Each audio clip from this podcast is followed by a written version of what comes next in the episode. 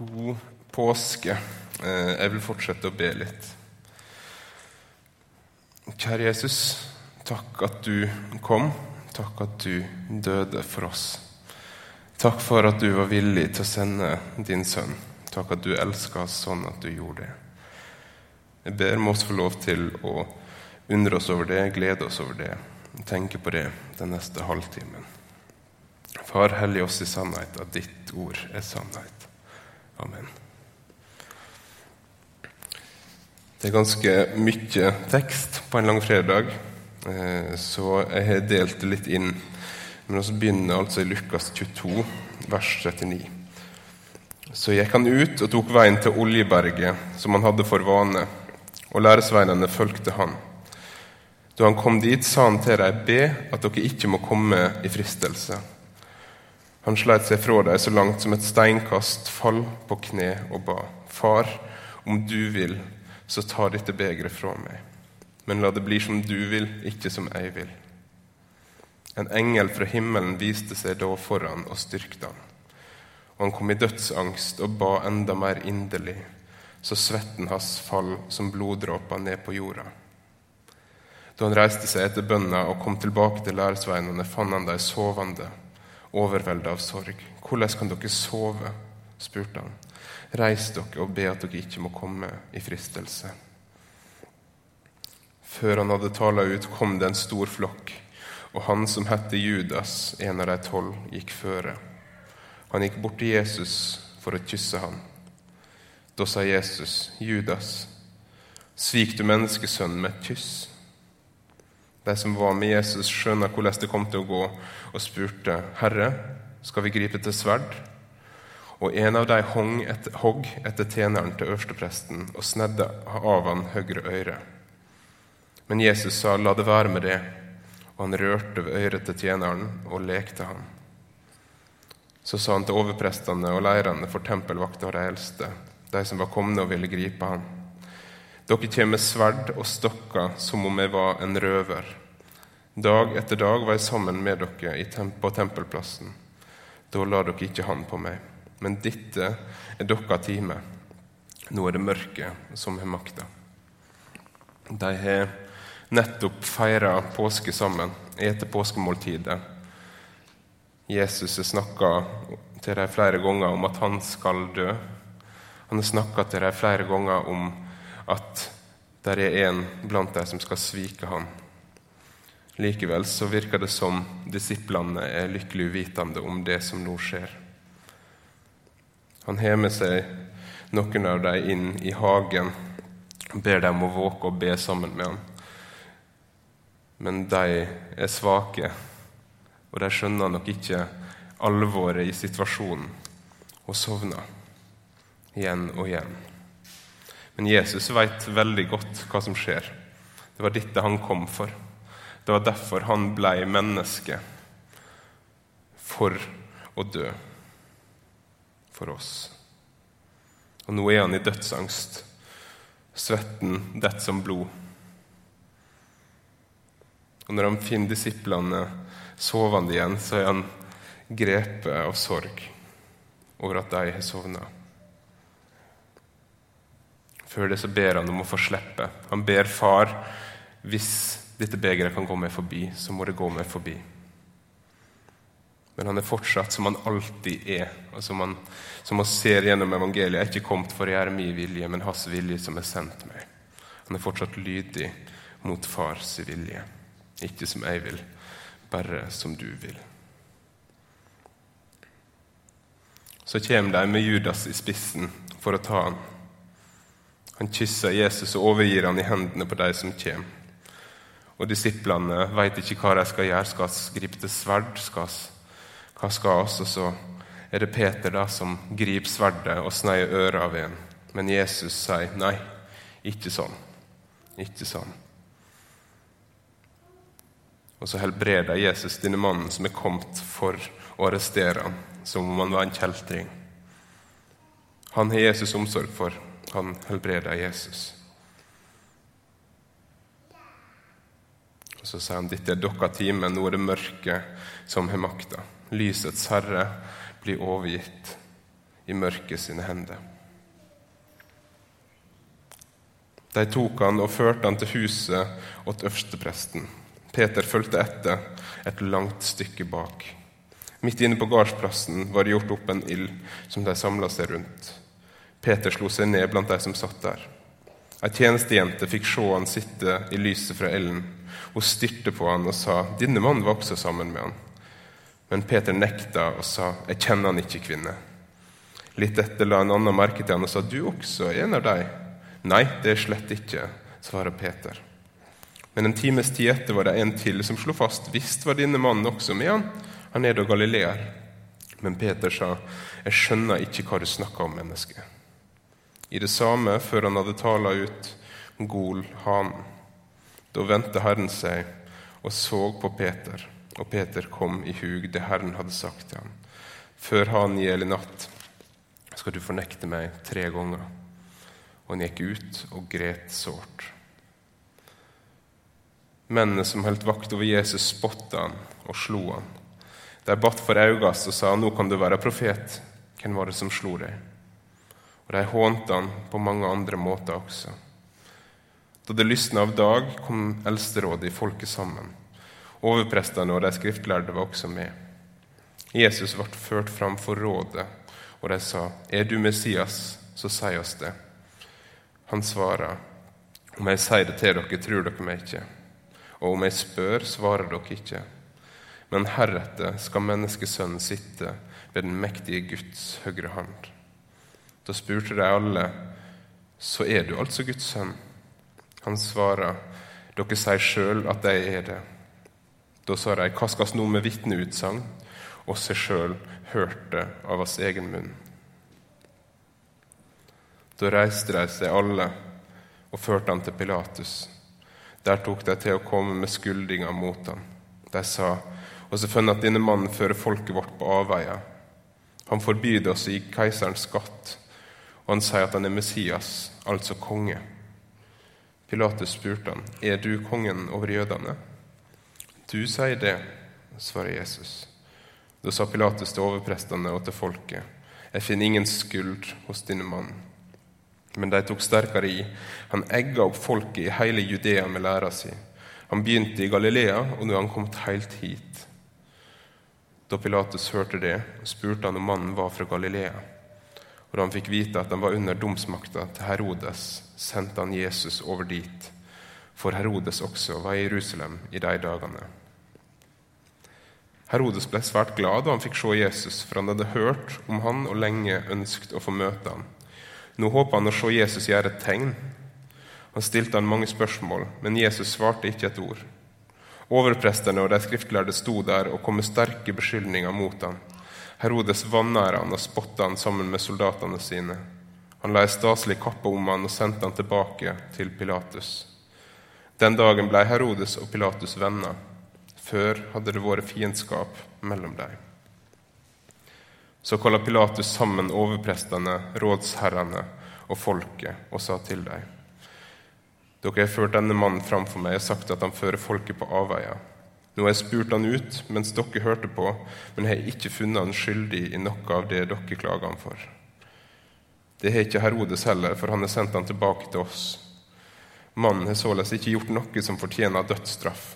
Derfor vil jeg la ham bli piska, og så sette ham fri. Men til høgtida måtte han gi dem en fange fri. Da roper de alle som en, bort med han, gi oss Barabas fri. Barabas var en mann som satt fengsla for opprør i byen og for mord.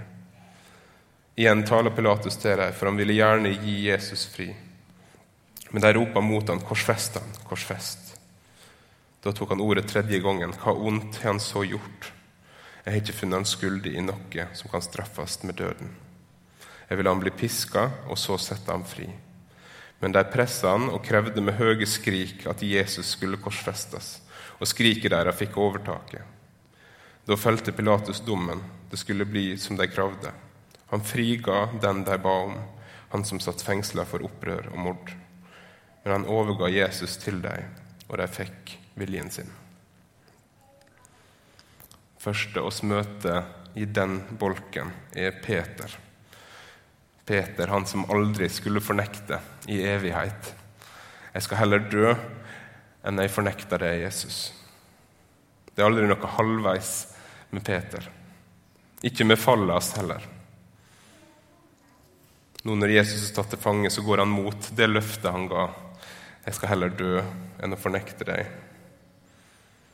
Jesus sa til ham, du kommer til å fornekte. Men han skulle ikke det.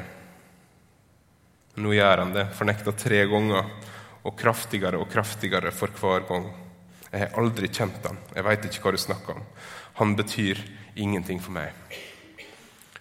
Og så møter han Jesu blikk etter at hanen gjelder. Tenk så sårt det blikket må ha vært. Den kjæreste Peter hadde, hadde han nå svikta. Han gikk sin vei i tårer. Hvordan kunne jeg? Hvordan kunne jeg gjøre det mot ham? Hvordan kunne jeg fornekte ham?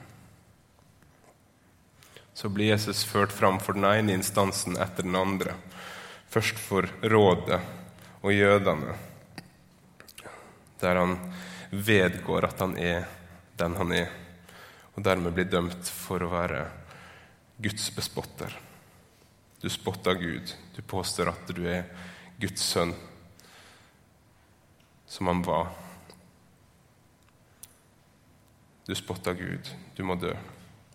Så blir han ført videre til romerne og til Pilatus, der de lyver og påstår at han ikke, ikke vil at de skal gi keiseren skatt, og at han har lyst på makta som Pilatus og keiseren sitter på.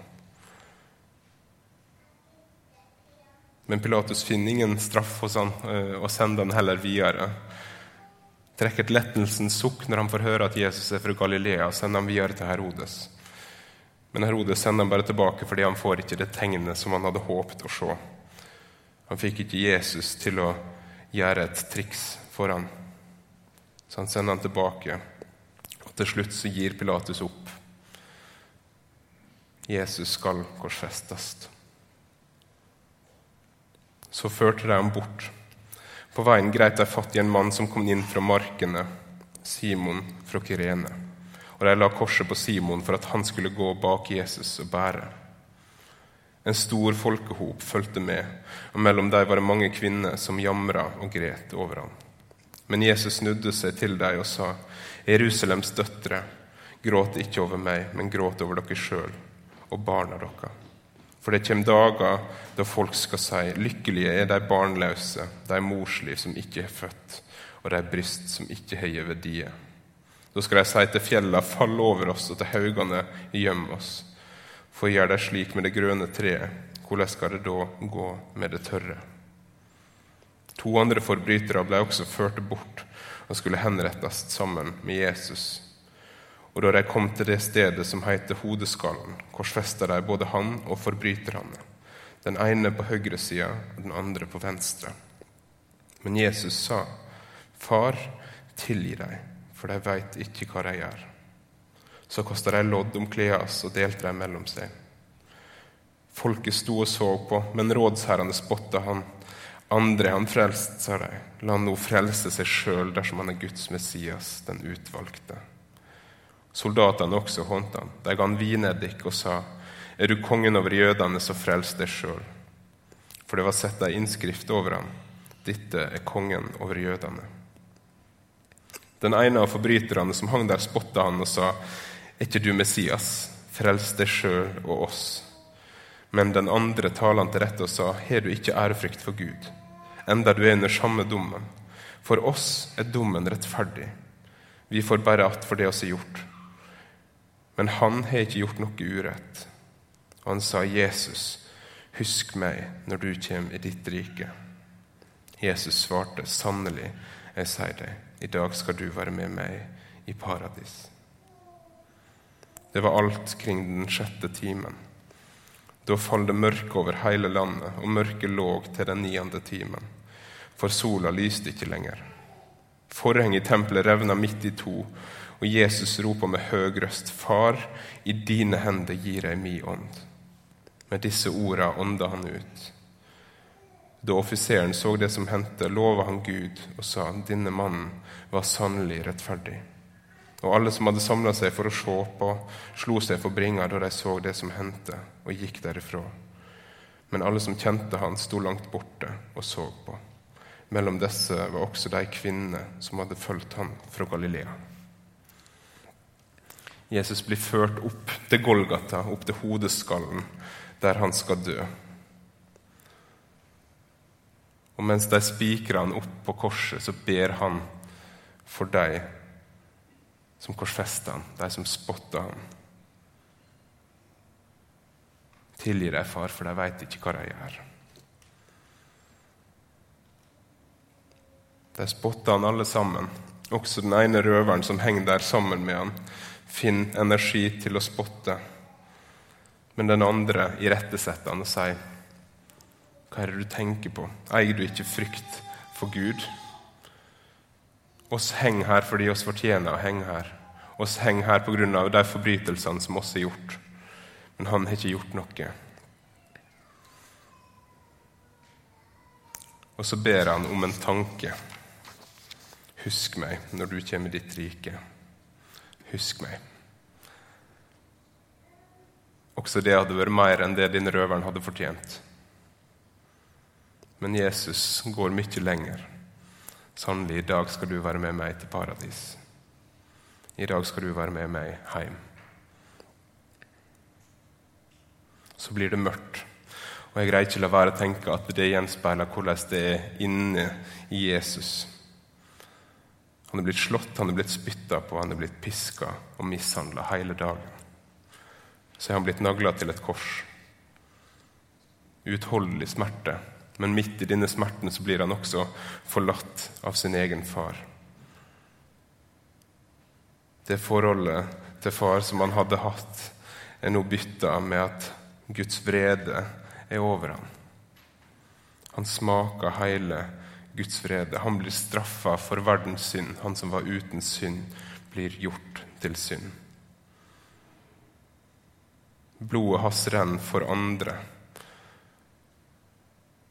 Og da er det mørkt i Jesus og rundt Jesus. Han er helt alene. Så revna forhenget i tempelet, og Jesus ånda ut. Forhenget revna fordi den tida der det forhenget var nødvendig, er over. Forhenget som skilte folket fra det aller helligste, der Gud sjøl bodde, revna. Det er ikke lenger nødvendig med en ypperste prest som går inn der for å ofre, fordi Jesus er ypperste prest til evig tid. Det er ikke nødvendig med flere offer, fordi Jesu blod er et evig offer for synder. Jesu død skulle bli til liv for de mange og åpna veien helt inn til Guds trone.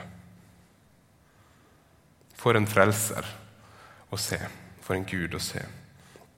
Som elska så høyt og på den måten at han sendte sin sønn.